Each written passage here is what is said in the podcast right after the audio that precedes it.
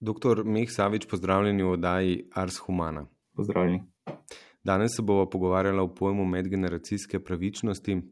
Tudi sicer se zdi, da je človeštvo precej usmerjeno v prihodnost, iščemo pot na Mars, um, iščemo načine, kako bi čim bolj povezali prihodnje rodove. Zato je ta tema zanimiva z tega vidika, uh, ker vi v njej odkrivate povsem druge dimenzije. Na prvi pogled res lahko rečemo, da v resnici ogromno vlagamo v stvari, ki bodo dejansko koristile šele za namcem. Ampak zanima me, vi ste doktorsko raziskavo in dizertacijo posvetili v izhodišču podnebnim spremembam. V kakšno luč to postavlja vprašanje medgeneracijske pravičnosti? Ja, zdaj na podnebnih spremembah prav gotovo eh, ne vlagamo veliko prihodnost. Eh, preprosto zato, ker ne ukrepamo tako, kot bi morali. Eh, izpuste bi morali zmanjševati vsako leto za 6-8 odstotkov, mi jih pa povečujemo. Teda tukaj nam sigurno ne gre ravno dobro. Eh, glede vlaganj v prihodnost, se mi kar nekako rahlo cinično zdi, da veliko vlagamo v prihodnost tam, kjer se ob tem dobro počutimo, kjer je zabavno. Recimo raziskovati eh, čim močnejšo raketo zasebnega podjetja, ki nas lahko ponese na Luno in potem na Mars. To je zabavno že danes, že zanimivo je to spremljati. Ima neposredne komercialne koristi za prenašanje satelitov v vesolje in tako naprej. Tisto, kjer nam ne gre najbolje, je narediti nekaj za prihodnost tam, kjer bi to pomenilo, eh, da moramo omejiti svojo korist danes. In konkretno pri podnebnih spremembah, seveda gre za ukrepanje že zase, recimo, če opuščamo fosilna goriva, izboljšamo kakovost zraka, že zdaj zmanjšamo svojo odvisnost od držav proizvajalk nafte. Ampak vseeno, eh, glavni učinek zmanjševanja izpustov prihaja z zamikom, čutili ga bodo drugi ljudje ali pa mi v nekoliko starejši verziji. Um, in zato je ta korist nekoliko oddaljena. In pri podnebnih spremembah je zanimivo tudi to, da je um, povzročanje problema in zaužitje posledic tega problema uh, lahko odmaknjeno stoletja, tudi tisočletja. Um, drug primer, kjer imamo težave s prihodnostjo, so jedrski odpadki. Nekako imamo idejo, kaj z njimi početi prvih nekaj let, desetletji morda, medtem ko so škodljivi za okolje, za ljudi, tisočletja. In za obdobje več tisoč let nimamo pojma, kaj z njimi. Pa kljub temu gradimo jedrske elektrarne in jih načrtujemo. Tako da bi, se mi zdi, da je človeštvo razdvojeno, uh, najlažje ukrepamo za prihodnost tam, kjer je korist takšnega ukrepanja takojšnja. Tam, kjer pa je potrebno se nekako obrzdati, stopiti korak nazaj v imenu nekoga drugega, prihodnih ljudi, tam pa nam ne gre najbolje. Najbrž je to zato, ker eh, se ne obremenjujemo z mnenjem prihodnih ljudi čez recimo 100, 200 ali 300 let, ko se bodo ukvarjali denimo z jedrskimi odpadki in se spraševali, kakšni ljudje so jim jih zapustili. Glede na vse, kar vemo o jedrskih odpadkih in o tem, da bodo ostali tu še dolgo potem, ko nas ne bo več. Ja, mislim, da gre za dve stvari. Ena je tehnološki optimizem, druga pa učinek kapljajoče koristi. Tehnološki optimizem pravi, da se bojo stvari nekako same rešile. Tako kot smo napredovali od uh, kurjenja uh, oljnih sijalk v žarnice, v halogenske sijalke in danes let svetila, uh, to je samo primer na področju svetil, uh, in smo napredovali recimo iz pešačenja, konja, avtomobil, danes električni avtomobil, nekoč električni javni promet. Recimo. Eh, na ta način se predpostavlja, pustimo čas v čas in napredovali bomo tudi na vseh drugih področjih, in prihodnost bo samodejno lepša. To je ena tako močno optimistična predpostavka, ki v mnogih področjih deluje, recimo na področju razvoja medicine, ne deluje pa na področju upravljanja z naravnimi viri, kar se kaže recimo pri podnebnih spremembah. Drug problem je pa ta ideja kapljajoče koristi, tako imenovana trickle down, ki se uporablja v sedanji ekonomiji, kjer pravi, poskrbimo za bogatstvo, za kopičenje bogatstva danes in bogatstvo bo samodejno kapljalo v vse družbene sloje, ne potrebujemo razdelitvene politike. To recimo govorijo zagovorniki te kapljajoče koristi. Na medčasovni osi pa to pomeni, da se s prihodnimi ljudmi ne rabimo preveč ukvarjati, mi poskrbimo zase, za to generacijo v najboljši možni meri, in potem, če bo, če bo naša civilizacija v redu, bo samodejno naslednja generacija na, boljš, na še boljšem, in še naslednja, in še naslednja, in tako naprej. Torej, koristi, ki jih žanjemo danes, bodo samodejno kapljale v prihodnost. In kot rečeno, v primeru rabe jedrske energije, v primeru izsekavanja svetovnih gozdov, v primeru kopičenja plastike v oceanih, na vseh teh področjih ta kapljajoča korist se preprosto ne zgodi. Korist ne kaplja v prihodnost ampak potrebujemo en drug razmislek. O prihodnih ljudeh moramo razmišljati kot o nekom, ki bo prejel zapuščino, kot jo bomo ustvarili. Bodi si v pozitivnem, kot je recimo razvoj cepiv za nekoč neozdravljive bolezni, ali pa v negativnem, kupi jedrskih odpadkov po vsem svetu, količin, ogromne količine plastike, ki ne razpada, eh, izropani oceani, uničeni koralni grebeni in tako naprej. Eh, skratka, pozivam k temu, da začnemo razpravljati o tem, kakšno zapuščino ustvarjamo namenoma in kakšno zapuščino ustvarjamo nenamenoma, začnemo reflektirati svoje vedenje in vidimo, ali lahko svoje ravnanje kakorkoli prilagodimo, da bomo do prihodnjih ljudi pravičnejši. Torej, da jim bomo pustili tisto, kar jim gre. To pa je neka količina naravnih virov, ki so potrebni za kakovostno življenje, za blaginjo, za dobro družbo, miroljubno družbo. Zgodovinar Noel Harari v knjigi 21 lekcij za 21. stoletje v poglavju Tisti, ki bo imel v lasti podatke, bo imel v lasti prihodnost, eh, govori o tehnoloških velikanih, ki so ustvarili ogromno milijardno bogatstvo in vlagajo tudi v raziskave za podaljšanje življenja in izboljšanje kognitivnih funkcij. No in govori, zanimivo je, ker ste omenili ta dr. Meh Savič, eh, argument kapljajočega bogatstva ki se tudi na tem področju podjetij, ki jih dejansko žene uh, ideja tehnološkega optimizma in z njimi povezana vlaganja vanje, ne zgodi. Torej, kaj je srž medgeneracijske pravičnosti? Omenili ste ga na, nekih, na nekaj mestih, ampak kaj je tisto bistveno, ko govorimo o tem, kaj zapuščamo za namcem?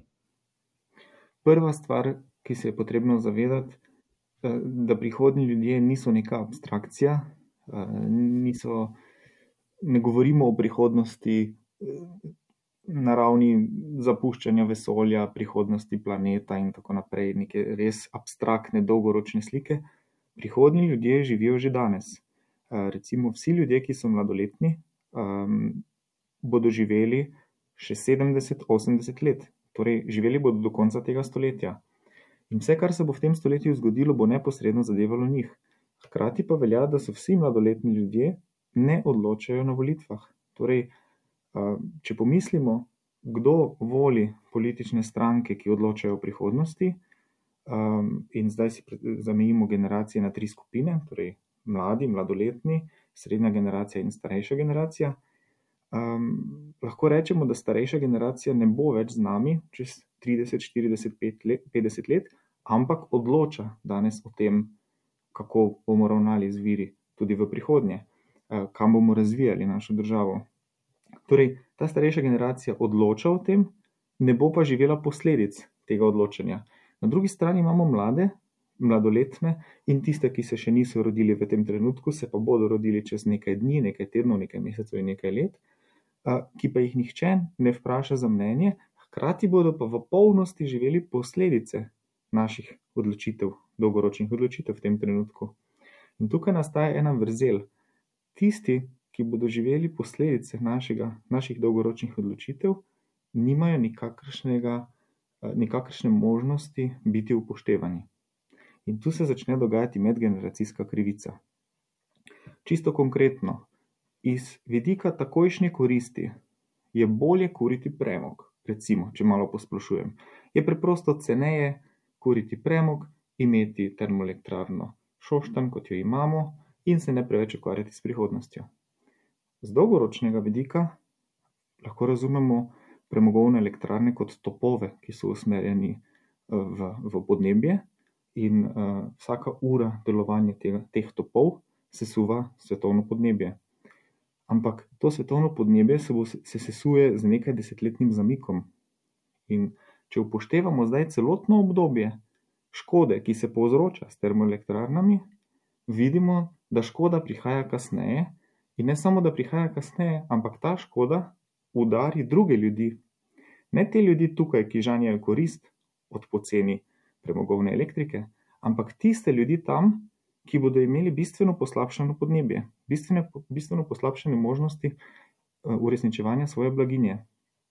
In če bi zdaj mlade ljudi in še nerojene ljudi zares upoštevali, bi videli, da ni racionalno kuriti premog, da to v resnici ni poceni. In jaz temu pravim, eh, ko, ko pride do odločitev, ki so v izrazito korist sedanji generaciji in v izrazito škodo prihodnim generacijam, govorimo o generacizmu. Govorimo o obliki neopravičenega dajanja prednosti današnjim ljudem napram prihodnim ljudem. Gre za podobno moralno izprijeno ravnanje kot je rasizem, ki daje neopravičeno prednost eni rasi napram drugim rasam. Torej, medgeneracijska pravičnost predpostavi, da so prihodnji ljudje pomembni, enako pomembni. Seveda ne pomeni, da bomo za njih skrbeli čisto isto kot za sodobne ljudi, zato ker se v prihodnosti naši učinki naših delovanj razvodenijo z vsemi mogočimi vplivi, ki se bodo še dogajali. Ampak, ko gre za zelo konkretne stvari, kot je recimo varovanje Triglavskega narodnega parka, gradnja infrastrukture v državi, odločanje o podnebni politiki, tam imajo prihodnji ljudje zelo jasen interes, kako ravnati s temi stvarmi, in zelo jasno je, katera ravnanja njim neposredno škodijo. Ali je to tudi razlog, to nerazumevanje tega koncepta, eh, ta ciničen in posmehljiv odnos do Grete in do val, vala šolskih stavk za podnebje, ki ga je sprožila s svojim delovanjem? Ker ti zdi se mi, da ne mediji, ne starši, ne učitelji v veliki meri niso prav dobro razumeli, čemu se upirajo mladi po svetu. Ja, mislim, da je ta posmeh izvira iz nerazumevanja medgeneracijske krivice. Um, ne zavedajo se, kako, kako kruto je, uh, ko se ta generacija požvižga na prihodnost, hkrati pa ta generacija, zdajšnja vladajoča generacija, ve, da ne tvega svoje prihodnosti, um, ampak tvega prihodnost drugih ljudi. Zdi se, da je Greta in to gibanje mladih, da so se zavedali, da dejansko je njihova prihodnost ogrožena in dejansko so začutili medgeneracijski konflikt. Um, in oni so želeli prebuditi starejše generacije, uh, želeli so odpreti razpravo o dediščini, o zapuščini, ki jo ta trenutna vladajoča generacija ustvarja prihodnim ljudem. Kar se tiče posmeha, temu ne bi dajal prevelike pozornosti, ampak izhaja nekako iz tega nerazumevanja uh, stališča mladih aktivistov. Če se ti trenutno stanje zdi zelo dobro, če verjameš v tehnološki optimizem, če verjameš v idejo kapljajoče koristi, potem se ti zdi, da vsaka naslednja generacija živi samo še bolje in bolje in bolje od vseh predhodnih generacij. In potem so ti mladi ljudje, ki vpijajo in so jezni, se ti zdijo smešni. Če pa resno premisliš uh, konflikt sedanje generacije s prihodno generacijo, ko vidiš, da človeštvo z trenutno, trenutnim ustrojem svetovne ekonomije sesuva živi planet, mi smo priča uh, velikemu izumrtju uh, rastlin in živali, ki je primerljivo, um, primerljivo z obdobjem izumrtja dinozavrov. To trenutno počnemo temu planetu in to škodo, to gromozansko škodo katastrofalnih razsežnosti ustvarjamo in jo prenašamo v prihodnost. Če to vzamemo za res, potem lahko začutimo empatijo z mladimi aktivisti, eh, lahko takrat postanemo pripravljeni, da bi se z njimi usedli za mizo in začeli razpravljati. In zdi se, da je, da je korona kriza tukaj v pomoč, ker je korona kriza razkrila eno drugo obliko medgeneracijske napetosti v obratni smeri. Pri, pri, pri COVID-u je značilno, da so mladi ljudje nekako imuni za težji potek bolezni, medtem ko so starejše generacije dovzetne za nevaren, nevaren potek bolezni. Torej imamo naravnost obratno, obratno situacijo. Pri podnebnih spremembah podnebno ukrepanje prinaša največ koristi prihodnim ljudem in današnjim mladim, pri uh, COVID ukrepih pa ukrepanje največ koristi starejšim ljudem, mladim pa prinaša največ bremen. In to je idealna situacija bi se, za pogajanja, kjer bi se generaciji nekako v abstraktnem smislu sedli skupaj in poskušali doseči medgeneracijski dogovor. Mlada generacija bi rekla: V redu, bom, sodelovali bomo pri uh, zagotavljanju maksimalne varnosti uh, glede širjenja virusa, ker je to v, ne, v korist starejšim. Starejši pa bodo rekli: Velja, strinjamo se, da je potrebno pomembne vire, pomembna sredstva mobilizirati za gradnjo infrastrukture, za opuščanje fosilnih goriv, za ustvarjanje podnebno eh, stabilnejše ekonomije, zato da bo vaša mlada generacija imela boljše obete za prihodnost. To bi bil recimo en tak medgeneracijsko pravičen, medgeneracijsko solidaren družbeni dogovor. Tudi na primeru COVID-a ste večkrat omenili besedo solidarnost. Dr. Dejan Meh Savič, kdo mislite, da se je leta 1960 oziroma tam okoli ukvarjal s tem, kakšna bo denimo najna prihodnost ali pa prihodnost naših otrok? Mislim, da smo imeli v tistem obdobju vizionarje, um, kajti če pomislimo na konec druge svetovne vojne, uh, je takrat tista generacija, ki je takrat vladala, je imela, uh, je, je začutila globoko zavezo nikoli več. Takrat so spostavili deklaracijo človekovih pravic, v kateri čisto na začetku piše, to deklaracijo človekovih pravic sprejemamo, zato da bi preprečili prihodne svetovne vojne. To pomeni, da so oni že takrat se zavedali, da če hočejo preprečiti tretjo, četrto svetovno vojno, da morajo spostaviti ene sistemske mehanizme, ki bodo prispevali k miru, ki bodo prispevali k miroljubnemu reševanju konfliktov med državami, ki bodo zagotavljali, da se napetosti v družbah ne razrastejo čez mere, čez mere da, da, bi moralo priti do vojne, in tako naprej. Um, torej, spostavili so institucije, uh, ki, vodi, ki ohranjajo mir in zagotavljajo dobre možnosti uh, za to, da človeštvo sobiva. Na drugi ravni so, je, je bilo obdobje po drugi svetovni vojni obdobje a, tudi lakote, pomankanja virov, ekonomijo je bilo potrebno postaviti na novo, dejansko je bilo potrebno postaviti stavbe, ki so se porušile zaradi bombardiranja, mostove, ki so bili bombardirani in tako naprej. Začeti je bilo treba na novo. In takrat, v tistih časih, ko je bilo virov tako malo, so kljub temu premogli dolgoročni razmislek in so vlagali v infrastrukturo.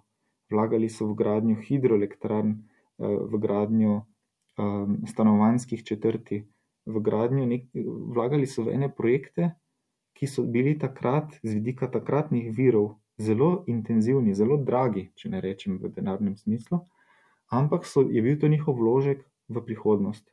In hkrati se je potrebno zavedati, da ta vložek v prihodnost je bil vložek v prihodnost drugih ljudi, Tisti, ki so bili takrat v srednjih letih, so sami vedeli, da ne bodo želi koristi od ukrepov, ki jih takrat sprejemajo, ampak bodo koristi želi njihovi otroci, njihovi vnuki in prihodni ljudje.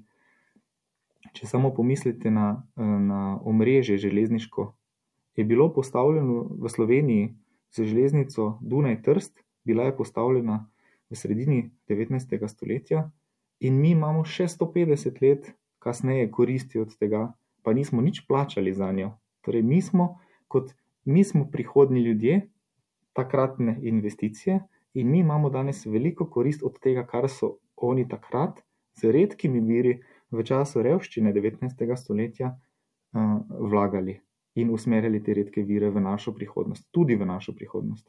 In recimo omenil sem že hidroelektrarne. Za hidroelektrarne je značilno, da so na začetku kapitalsko intenzivne, drago je zgraditi novo hidroelektrarno, ampak potem, ko se ta odplača, čez 20, 25, 30 let, pa preprosto skozi hidroelektrarno teče voda in ustvarja zastojno elektriko. In danes imamo mi zelo poceni elektriko iz slovenskih hidroelektrarn, eh, ne da bi karkoli mi kot trenutna generacija plačali za njo. Torej, mi smo neposredni dediči investicij preteklih generacij in njihovih investicij v prihodnost. Tako da ta medgeneracijska veriga prejemanja koristi, prejemanja škode od prej že poteka, je nekaj naravnega v človeštvu. Tisto, kar moramo danes narediti, je korak naprej in se spoprijeti s vprašanji, ki so nekoliko abstraktnejša. Torej, recimo pri fosilnih gorivih ljudje na prvi pogled ne počnejo nič takega, kar bi bilo moralno sporno. Ogrevaš svoje stanovanje, pač uporabljaš fosilna goriva. Pelješ se v službo, pač je tvoj avtomobil poganjan s fosilnimi gorivi. Uporabljaš plastiko in ta je bila slučajno narejena iz fosilnih goriv, in tako naprej. Torej, mi živimo samo običajno življenje, ampak ta, to običajno življenje strelja stopništvom v svetovno podnebje in to podnebje potem je uničeno za prihodnje ljudi. In človek na, na ravni posameznika preprosto ni, ni narejen na ta način, da bi se lahko uspešno spopadal z, z moralnimi problemi takega tipa, zato potrebujemo sistemski pristop, zato potrebujemo državo, Evropsko unijo, Združene narode, kjer se ta premislek lahko zgodi, kjer je ta premislek je abstrakten in se ukrepi za zaščito prihodnjih generacij lahko zgodijo. In zato tudi jaz pravim, da ko gre za uporabo medgeneracijske pravičnosti v vsakdanjem življenju, to ne pomeni, da bo vsako gospodinstvo zdaj nenehno razmišljalo o medgeneracijski pravičnosti. Nasprotno, pomeni, da ko bomo sprejemali strategijo razvoja Slovenije, strategijo, podnebno strategijo, energetsko strategijo, ko bomo razmišljali o dolgoročnih vlaganjih v železnice, ali pa recimo o prihodnosti Triglavskega narodnega parka, o prihodnosti slovenskih gozdov. Torej, ko bomo razmišljali o, o razvojnih vprašanjih, ki sežejo dlje od ene generacije, takrat moramo narediti medgeneracijski premislek. Takrat moramo povabiti za mizo prihodnje ljudi, v narekovajih, in z njimi poskušati uh, opraviti razmislek, ki vodi v pravičnost. Pravičnost pa pomeni, da prihodni ljudi obravnavamo sebi enako, tudi kot ljudi, in njihove interese poskušamo v največji možni meri upoštevati, ko se odločamo o A, B, C uh, možnosti uh, razvoja. Zanimivega vidika ste zagrabili problem eh, podnebnih sprememb in prihodnosti, potem ko se zdi, da argument tega, da bi naravo ohranjali zaradi narave same, zaradi živali samih, zaradi uh, rastlin samih, nekako ne pade na plodna tla. V bistvu v vašem filozofskem premišljanju sprašujete ljudi, kaj pa če pomislite na prihodne generacije. Zdi se mi, da lahko razmišljamo recimo o neposrednih potomcih in morda njihovih potomcih, potem pa se ustavi. Dobrobit tretje ali četrte generacije za mano, težko si zamislim moralno, etično utemeljitev, zakaj bi se danes samo omejeval, da bo nekdo čez 100 ali 200 let živel bolje. Protiintuitivno je. Um, na eni strani se zdi protiintuitivno, ker govorimo o dolgoročni prihodnosti, A naj si pomagam z metaforo reke.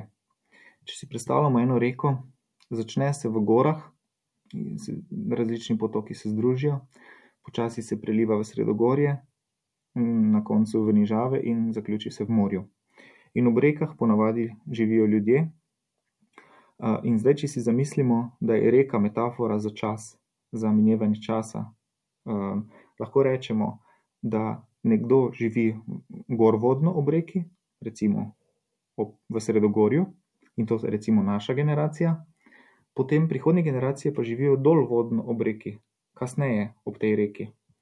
In ko govorimo o medgeneracijski krivici, uh, medgeneracijski nepravičnosti, si lahko predstavljamo, da mi v Sredogorju v reko spuščamo strupene snovi, ki nam ne škodijo, ker jih preprosto reka odplakne v prihodnost.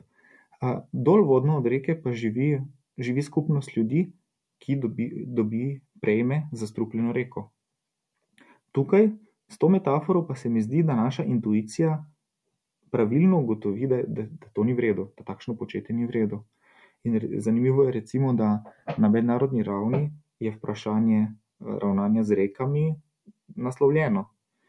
Razume se, da ne smeš eh, zastrupljati reke in prenašati škode na, na, na skupnosti ljudi, ki živijo dol vodno ob reki. Um, in bodimo recimo bolj praktični. Ko govorimo o vprašanju, um, kaj, kaj vem, vprašanju življenjskega stila, recimo, um, ali je bolje imeti toliko kinodvoran, ali je bolje imeti razpršene po celem mestu, ali je bolje imeti en kinocenter. To je recimo vprašanje, ki je medgeneracijsko irrelevantno. To so neke preference trenutne generacije, ki ne vplivajo na prihodnje ljudi in jih ne rabimo upoštevati. Preprosto to ni moralno vprašanje. Ko pa govorimo o tem, ali graditi še eno jedrsko elektrarno, ob tem, ko imamo trenutno 500 ton radioaktivnega odpada iz obstoječe jedrske elektrarne, ta radioaktivni odpad bo pa še tisočletja nevaren in ga bo potrebno posebej izolirano držati v okolju, izolirano do okolja, kako zavarovati. Tukaj pa je na mestu razmislek o vseh generacijah, ki jih potencijalno jedrsko onesnaženje zadeva. Torej, če si zamislimo, da imamo en sod ali pa recimo en silos, v katerem so shranjeni jedrski odpadki, in ta silos začne puščati čez 300-400 let, bo to neposredno puščanje jedrskih odpadkov čisto zares eh, začelo zastrupljati vodne vire, onesnažilo bo celotno neko območje, celotno pokrajino. Resnični ljudje bodo takrat dobili raka, zbolevali, imeli težave z, z poljedelstvom, z bivanjem na nekem področju. To je čisto resnična škoda, ki bo prizadela ljudi nekoliko kasneje, nekaj stoletij kasneje, ko bo, jedrski, ko bo ta silo se začel puščati. Zato je na mestu, da že mi danes, ko razmišljamo, kam z jedrskimi odpadki, kako z njimi ravnati, eh, resno vzamemo v ozir vse te prihodnje ljudi, ki lahko trpijo eh, zaradi morebitnega puščanja, puščanja silosa, v katerem bi hranili jedrske odpadke. Eh, tako da je treba vedno gledati praktično, čisto konkretno od primera do primera. Recimo jedrski odpadki, ki res segajo tisočletja v prihodnost, v te, pri tem vprašanju moramo upoštevati generacije tisočletja v prihodnost. Pri vprašanjih, kako ravnati s slovenskimi gozdovi, to je, to je vprašanje, ki je zanimivo um, za stoletje, morda dve stoletji, medtem ko dolgoročneje pa nima smisla razmišljati, ker je toliko dejavnikov vmes, da se bo marsikaj spremenilo. Ampak, če pa pomislimo zdaj na vprašanja, ki so nepovratna, recimo, da bi nekdo imel idejo, da bi ukinili Triglavski narodni park in naredili gromozansko zabavišče, Novi Dubaj, rečemo. In bi na tistem območju naredili Novi Dubaj, turistični center, ki bi prinašal veliko gospodarsko korist, hkrati bi to pomenilo uničenje Triglavskega narodnega parka. Zdaj, tako ravnanje bi lahko pomenilo neposredno gospodarsko korist za obstoječo generacijo, hkrati bi pa za vse prihodnje generacije uničilo Triglavski narodni park in te prihodnje generacije nikoli več ne bi mogle uživati lepot Triglavskega narodnega parka. V tem smislu moramo prihodnje ljudi upoštevati pri miselnem procesu, kako ravnati s Triglavskim narodnim parkom. Druga vprašanja, ki so tudi zanimiva, um, so vprašanja človeškega znanja. Recimo v literaturi se pojavlja vprašanje, ali je potrebno uh, shraniti viruse, najbolj smrtonosne viruse in bakterije, ki so povzročale bolezni, recimo ali je treba ohraniti mikroorganizme, ki povzročajo bobonsko kugo, ki je pomorila milijone ljudi, ali pa virus španske gripe in tako naprej. Ali je potrebno mm, te viruse in te primerke razumeti kot neko človeško dediščino, Eh, ko pa vemo, da so, da so ti organizmi izrazito negativni, izrazito škodljivi. In tukaj je razprava zanimiva, ker po eni strani pravijo, ne, dajmo jih pokončati, zamrznimo jih v sedanjosti, naj bo prihodnost olajšana za te škodljive organizme. Na drugi strani je pa premislek, ki pravi, da uh, morda pride do, čez 200-300 let do izbruha nekaterih bolezni, ki smo jih danes že premagali, In če bomo prihodnim generacijam zagotovili genski material vseh teh patogenov, se bodo lahko učili iz njih in bodo lahko takrat pripravljeni, bodo lahko imeli cepiva, bodo lahko imeli strategije boja proti vsem tem uh, patogenom. Tako da, um, če se vrnem nazaj k vprašanju medgeneracijske pravičnosti, um, vprašanje pravičnosti nastane, ko gre za delitev škode ali koristi na daljše časovno obdobje. Obdobje, ki lahko povzroča škodo ali korist prihodnim ljudem. Ko se to zgodi, takrat moramo te prihodnje ljudi poštevati v premisleku. Zanimivo je, da ste, ko ste omenjali jedrske odpadke, govorili o stoletju, dveh stoletjih, v resnici pa se razpolovna doba um, pravih jedrskih odpadkov vleče 10-100 tisoče let v prihodnost, ko se recimo lahko zgodi, da prihodnje generacije ne bodo znale prebirati naše pisave. Glede na vse, kar se recimo trenutno dogaja po svetu, uh, si lahko zamislimo distopičen svet, uh, ki zraste po veliki katastrofi. In čez vem, 50 tisoč let se nihče ne več ne spomni ali pa ve, uh, da obstajajo jedrski odpadki. V Združenih državah Amerike so šli na nekem odlagališču celo tako daleč, da so v 5 do 8 metrov visoke granitne bloke uklesali simbole, ki skupaj z radarskimi reflektorji opozarjajo, da je spodaj nekaj nevarnega.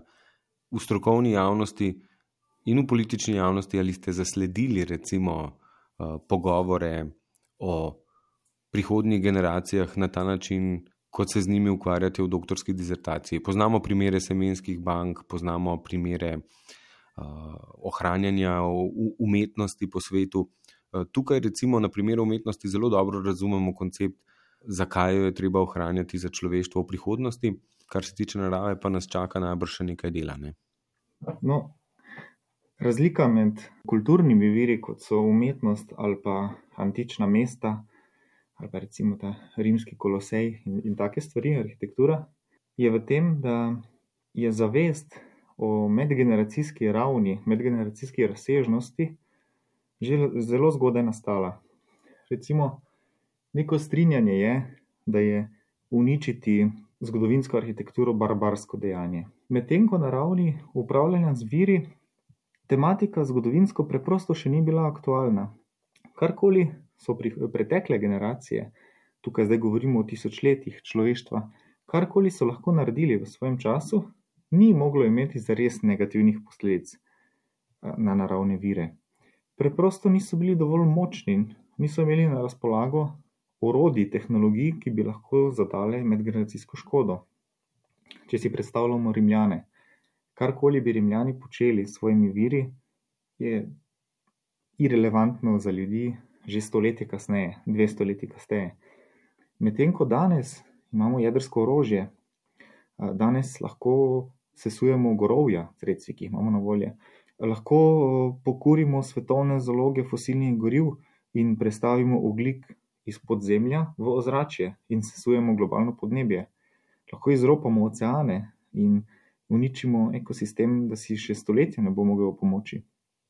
Torej, Danes z industrijsko revolucijo se je, se je civilizacija tako zelo okrepila, da lahko o človeštvu kot nekem akterju, geološkem, recimo, uh, govorimo šele zdaj. Torej, šele zdaj je Homo sapiens nekdo, ki lahko bistveno zaznamuje stoletja, tisočletja vnaprej. In šele zdaj se potem tudi odprejo moralna vprašanja tega tipa. Prej se niso mogla odpreti če ti lahko danes povzročiš škodo več stoletij naprej z nemarnim, nemarno rabo jedrske energije, lahko še le danes razpravljamo o tem, ali bi moral ravnati drugače. Če so pa ne vem, na Napoleonovih časih karkoli bi takrat naredili, ne bi imelo bistvenega učinka za življenje stoletja kasneje, je potem irrelevantno sploh moralno soditi. Torej, medgeneracijska pravičnost sploh ne more nastati pri presojanju civilizacij, ki nimajo medgeneracijske moči.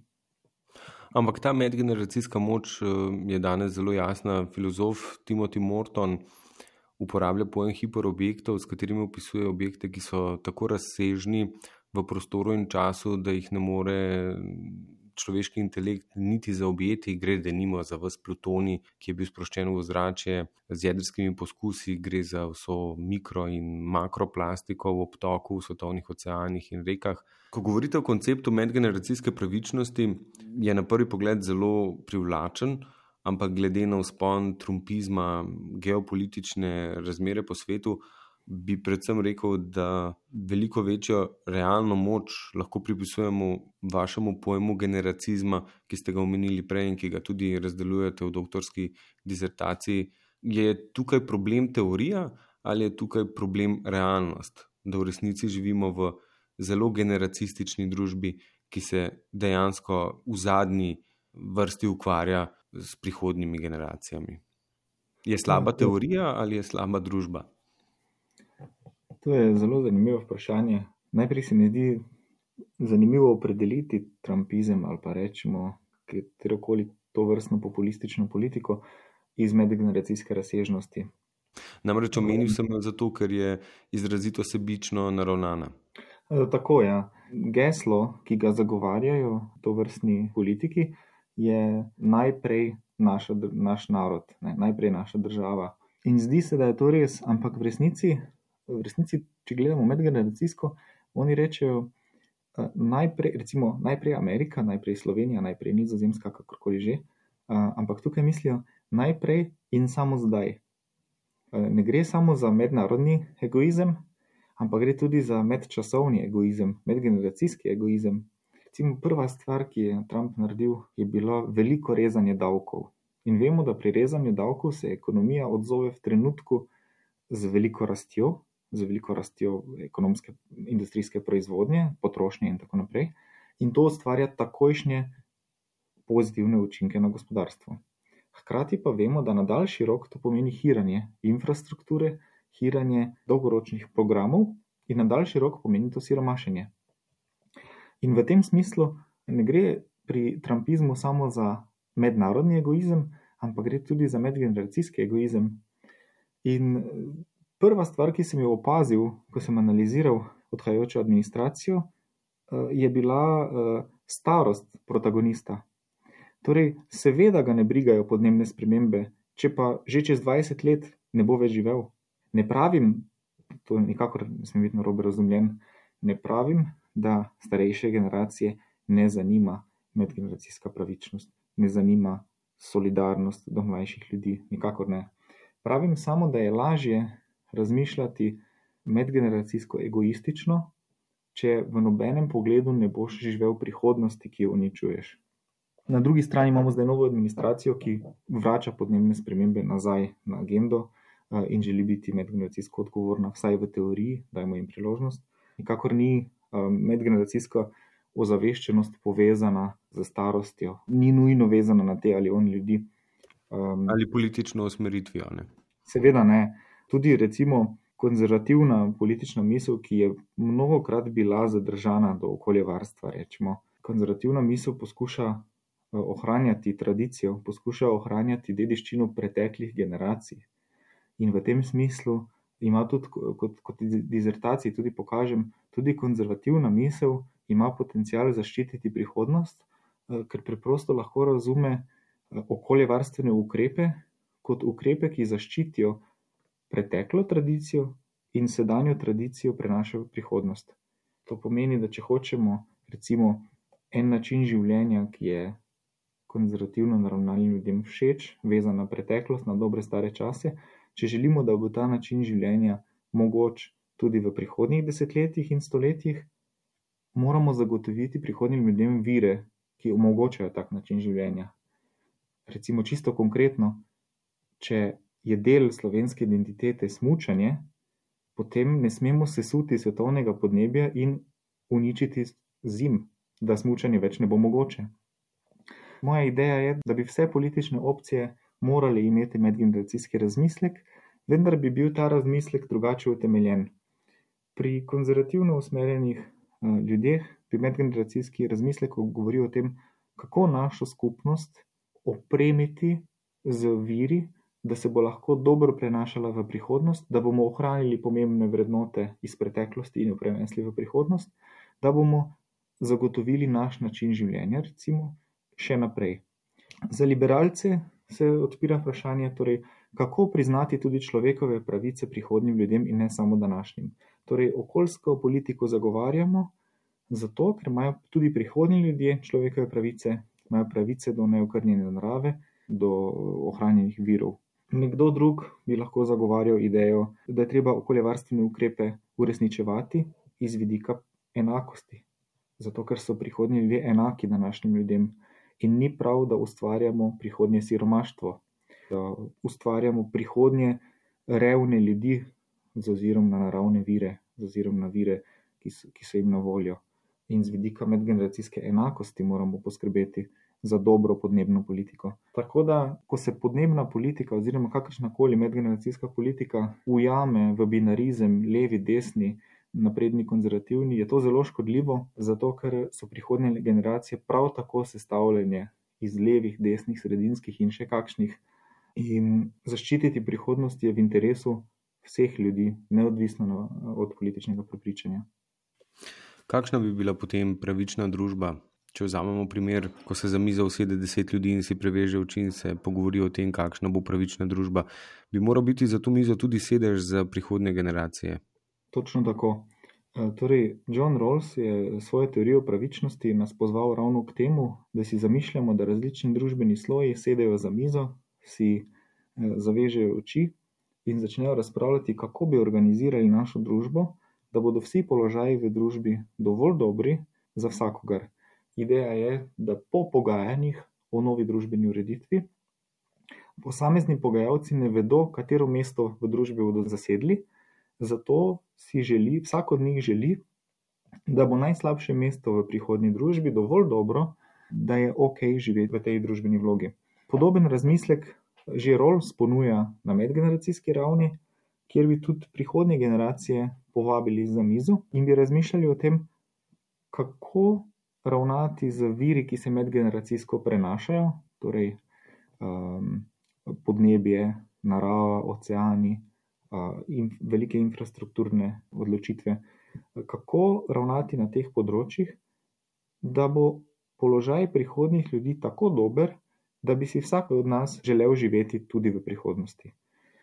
Tukaj gre za zelo abstrakten miselni poizkus, ampak čisto, čisto konkretno, recimo, se nas deset ljudi vsede za mizo, od tega je nekaj ljudi iz prihodnosti, eni so današnji, en predstavlja današnje mladoletnike, drug predstavlja sosednjo generacijo ljudi, ki se še niso rodili, ampak bodo v naslednjih 30 letih prišli v obstoj, potem naslednji zagovarja še naslednjo generacijo in tako naprej. In vsi skupaj sedimo in razmišljamo, kakšno podnebno politiko naj Slovenija ali pa Evropska unija sprejme, da bo v redu za vse sodelujoče, ker ne vemo točno, kdo od nas bo živel v sosednji generaciji, kdo bo živel eh, dve generacije v prihodnosti in tako naprej.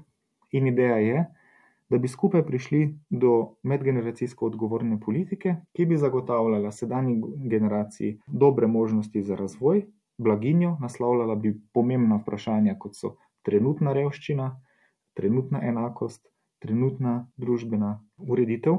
Na drugi strani pa bi posledica te politike, ki jo danes sprejmemo, bila dobra tudi za sosednjo generacijo in za še naslednjo in za še naslednjo. Seveda se tukaj lahko hitro zapletemo pri vprašanju, koliko ljudi povabiti k mizi, koliko prihodnjih generacij. Ampak tukaj si ne smemo pustiti, da nas abstraktne težave, da nam uničijo možnosti dobrih korakov, ki jih lahko sprememo že zdaj takoj. Tako da tukaj nekako poenostavljam to razpravo in pravim, dajmo narediti, kar je v naši moči, da bomo dobro poskrbeli za naslednjo generacijo in morda še eno naprej. In če bomo naslednji dve generaciji dobro opremili, če jim bomo dali, predali naprej miroljubno družbo z trajnostnim načinom življenja, z dobrim upravljanjem naših gozdov, oceanov, podnebja, z miroljubno nastrojenostjo, s katero bomo preprečevali prihodne vojne, smo največ naredili tudi za tretjo, četrto, peto in tisočto generacijo v prihodnosti. To je torej razmislek, ki ga ponuja filozofija, zakaj pa družba ne ravna po njem, pa je najbrž vprašanje psihoanalize. Zanima me še to, doktor Dejan Meh Savič, kako bi vprašanje medgeneracijske pravičnosti institucionalizirali? O tem sem veliko razmišljal in nekako me najbolj prepriča ideja, da začnemo tam, kjer sistem že nekako deluje. Prva stvar, ki jo lahko naredimo, je, da morda prihodne generacije priznamo v ustavi. Nekatere države imajo prihodne generacije že omenjene v ustavi, in v tem smislu je ustava kot nek branik temeljnih vrednot naše družbe, bi poskrbela za to, da karkoli bi počeli, ne bi moglo biti zares v nasprotju z pravicami prihodnjih ljudi. To je ena stvar, ampak je precej abstraktna. Bolj konkretno pa mi je všeč ideja, da bi institucijo, ki jo že imamo, in to je varuh otrokovih pravic. Ampak eno tako pravilo v ustavi že imamo. Ja, torej um, imamo pravilo o usklajenosti, tako imenovano fiskalno pravilo, da morajo biti prihodki in odhodki državne blagajne usklajeni. In to je recimo medgeneracijska zaveza, ker preprečuje, da bi katerakoli prihodnja vlada bila časovno egoistična in bi v imenu kratkoročnih interesov ustvarila veliko finančno luknjo in ogrozila prihodnje ljudi. To je že primer medgeneracijske, medgeneracijske zaveze v ustavi. Seveda je primer lahko problematičen in o tem bi lahko dolgo razpravljali, ampak je pa nek, nek, gre za neko zavest, kako zavarovati prihodnje ljudi pred morebitnimi neodgovornimi, kratkovidnimi vladami. No, institucija, ki jo imamo že danes, je institucija varuha otrokovih pravic, ki se pa ukvarja z otroci kot otroci, torej z otroci danes. Varuh zagovarja otrokove pravice na sodiščih, na sistemski ravni, skrbi za, da so otroci dobro zaščiteni, ko so njihovi interesi ogroženi. Tisto, kar pa umanka, je, da bi trenutni otroci, torej ljudje, ki so mlajši od 18 let, bili zastopani pri dolgoročnih strategijah, ki jih bodo zadevali v času njihovega življenja. Torej, predlagam razširitev pristojnosti varuha otrokovih pravic tako, da ne zagovarja otrokovih pravic samo danes, ampak zagovarja te otroke, ki so že tukaj, tudi njihov interes v prihodnosti. Torej, že danes so ljudje, ki so stari od 14 do 18 let, bodo že čez 4 leta naši voljivci. Danes še nimajo glasu pri sprejemanju dolgoročnih politik, čez 4 leta ga bodo imeli. Mladoletni ljudje bodo nekoč postali voljivci. Ampak varuh otrokovih pravic bi lahko šel tudi dlje in bi zagovarjal tudi prihodne generacije. Torej, vse tiste, ki bodo postali ljudje, ki se bodo rodili čez nekaj mesecev, čez nekaj let. In na ta način bi lahko varuh vstopal v premisleke po svoji dolžnosti in ozaveščal našo družbo o medgeneracijskih vidikih. Pa če se čisto konkretno predstavljamo, ko bi recimo Slovenija razpravljala o tem, ali potrebujemo širitev avtocestne obvoznice ali potrebujemo nov krak avtoceste, bi lahko varuh prihodnjih generacij vstopil v postopek in osvetlil razpravo z vidika, kaj nova avtocesta pomeni za rabo fosilnih goriv, za sesuvanje podnebja in za dolgoročno varnost prihodnjih generacij. Morda bi pozval k alternativnim oblikam mobilnosti, kot so recimo železnica, ki predpostavlja bistveno manjšo škodo podnebno in je bistveno večjo korist prihodnjim generacijam, zato ker ko je, ko je železnica enkrat postavljena, se je največji strošek že zgodil, takrat uporabljati železnico je zelo poceni. V interesu prihodnjih generacij ima železnica gotovo prednost pred cesto. Čisto zaradi te podnebne razsežnosti, pa tudi zaradi razsežnosti količine vlaganj, ki je potrebna na začetku in koristi, ki jo prinaša še stoletje vnaprej. Tako kot sem že omenjal, železnico Dunaj Trst. Postavljena je bila pred več kot 150 leti in še danes žanjemo koristi tega projekta. Doktor Dejan Mihsavič, hvala, da ste z nami in poslušalci Ars Humane delili razmisleke o medgeneracijski pravičnosti. Hvala za povabilo.